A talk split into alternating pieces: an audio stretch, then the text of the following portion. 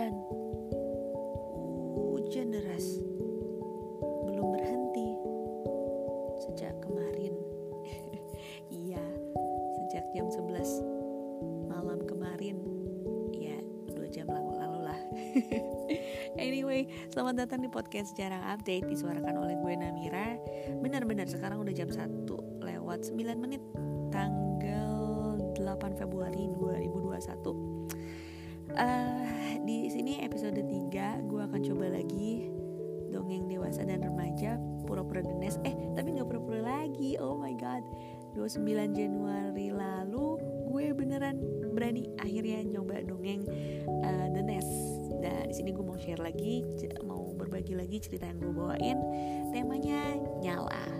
So this one's special for you.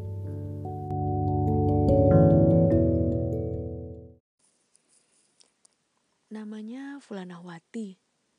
Mungkin dia adalah orang yang paling penakut di seluruh desa durian runtuh ini. Dia takut sama banyak hal. Dia takut gelap, dia takut tokek, dia takut bicara di depan orang banyak, dia takut berteman dengan orang baru, dia takut gak punya duit. ya semua orang juga takut ya. Tapi tapi yang paling Fulana Wati takutkan adalah dia gak pernah ambil kesempatan. Ya, dia takut ambil kesempatan. Kesempatan itu selalu datang, tapi selalu juga berlalu. Dan seperti layaknya kesempatan, berlalu begitu aja tanpa datang dua kali. Dan selalu diakhiri dengan penyesalan tiada henti. Tak berujung.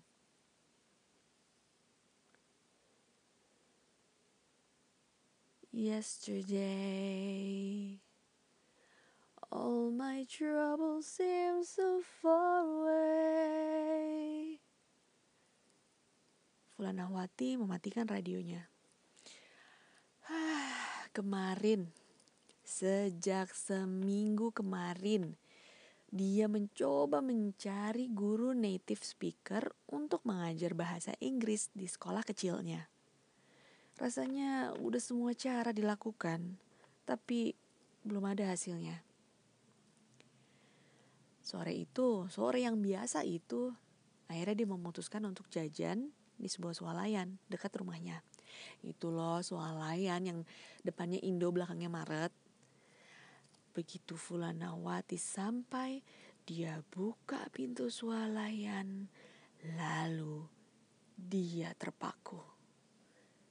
Dia membeku melihat pemandangan di depannya. Di depan kasir ada sesosok yang tinggi menjulang. Rambut pirangnya klimis. Kulitnya putih pucat pasi. Mata birunya sebiru langit. Sesuai banget sama kemeja biru yang dipakainya. Celana bahan dan Tas laptop yang tersampir di bahunya membuat tampilannya uh sungguh sangat profesional, seperti seorang pendidik. Teman-teman tahu apa yang Fulanawati lakukan? Di sebuah kesempatan langka yang dia temukan di sebuah soalan kecil di desa Durian Runtuh yang sejak seminggu lalu dia cari-cari kesempatan ini. Tahu apa yang dia lakukan? Akhirnya dia tidak melakukan apa-apa. Ya hasil Fulanawati, saat menemukan kesempatan, dia tidak berani mengambilnya. Dan layaknya kesempatan, dia tidak datang dua kali. Bule kinyis-kinyis itu pun pergi, membawa kesempatannya pergi juga. Sungguh kesempatan langka yang berlalu begitu aja. Fulanawati again lagi mengutuk dirinya sendiri mati-matian. Sampai tak terasa dia di rumahnya sudah kembali malam, sudah jam 8 malam dia berseru. Anak-anak, ayo udah jam 8 malam, sudah malam, ayo waktunya bersih-bersih, cuci kaki, cuci muka, sikat gigimu, kita pakai pijama, lalu kita mulai bedtime stories. Si sulung usia 5 tahun Dia mengambil buku yang masih tersegel di rak buku dan minta Fulanawati untuk membacakan buku itu. Um, kak, kakak serius mau Bibu bacakan buku ini? Iya, Bibu, please read me this one. Oke. Okay? Dan Fulanawati mulai membacakan bukunya. What Do You Do With a Chance? Written by Kobe Yamada, illustrated by May Besem. Publisher, Compendium Inc. I thought about it a lot. I wish I had taken my chance. I realized I had wanted, but I still didn't know if I had the courage.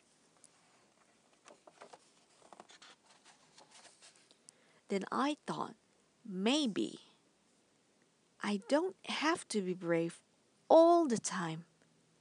Maybe I just need to be brave for a little while at the right time. I realized it was up to me. I promised myself that if I ever got another chance, I wasn't going to hold back. If I got another chance, I was going to be ready.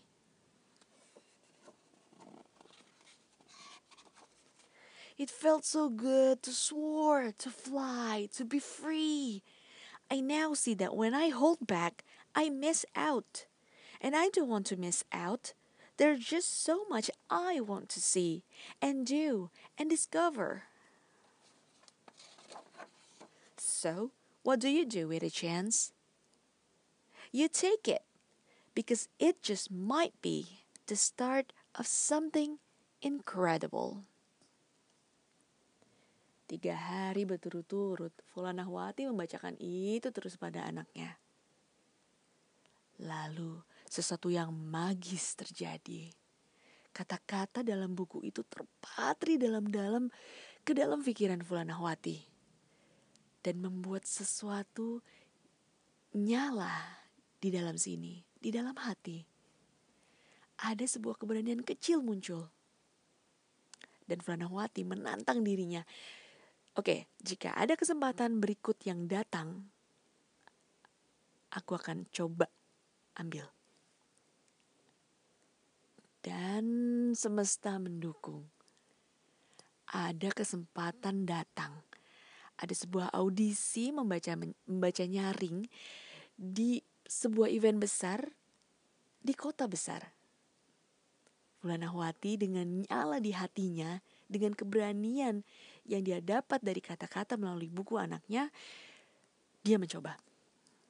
Singkat cerita, dia lolos audisi dia berhasil melakukannya, dia membacakan nyaring sebuah buku di sebuah panggung besar, di sebuah event besar di kota besar.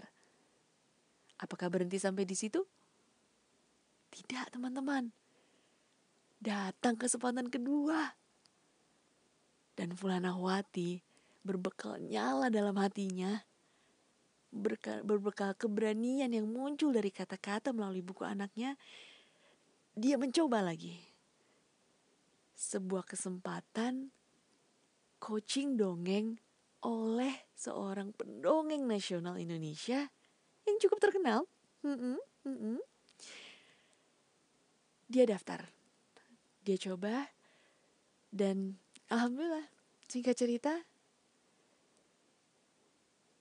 dia berhasil mengikuti coaching itu. Ya, mungkin belum secanggih pendongeng pendongeng pendongeng senior tentunya. Tapi setidaknya di sini di titik ini sekarang dia berani untuk bicara. No tidak hanya bicara dia berani untuk bercerita. Di depan orang banyak dia berani untuk berteman dengan orang-orang baru yang dia temui Oh, I believe in yesterday.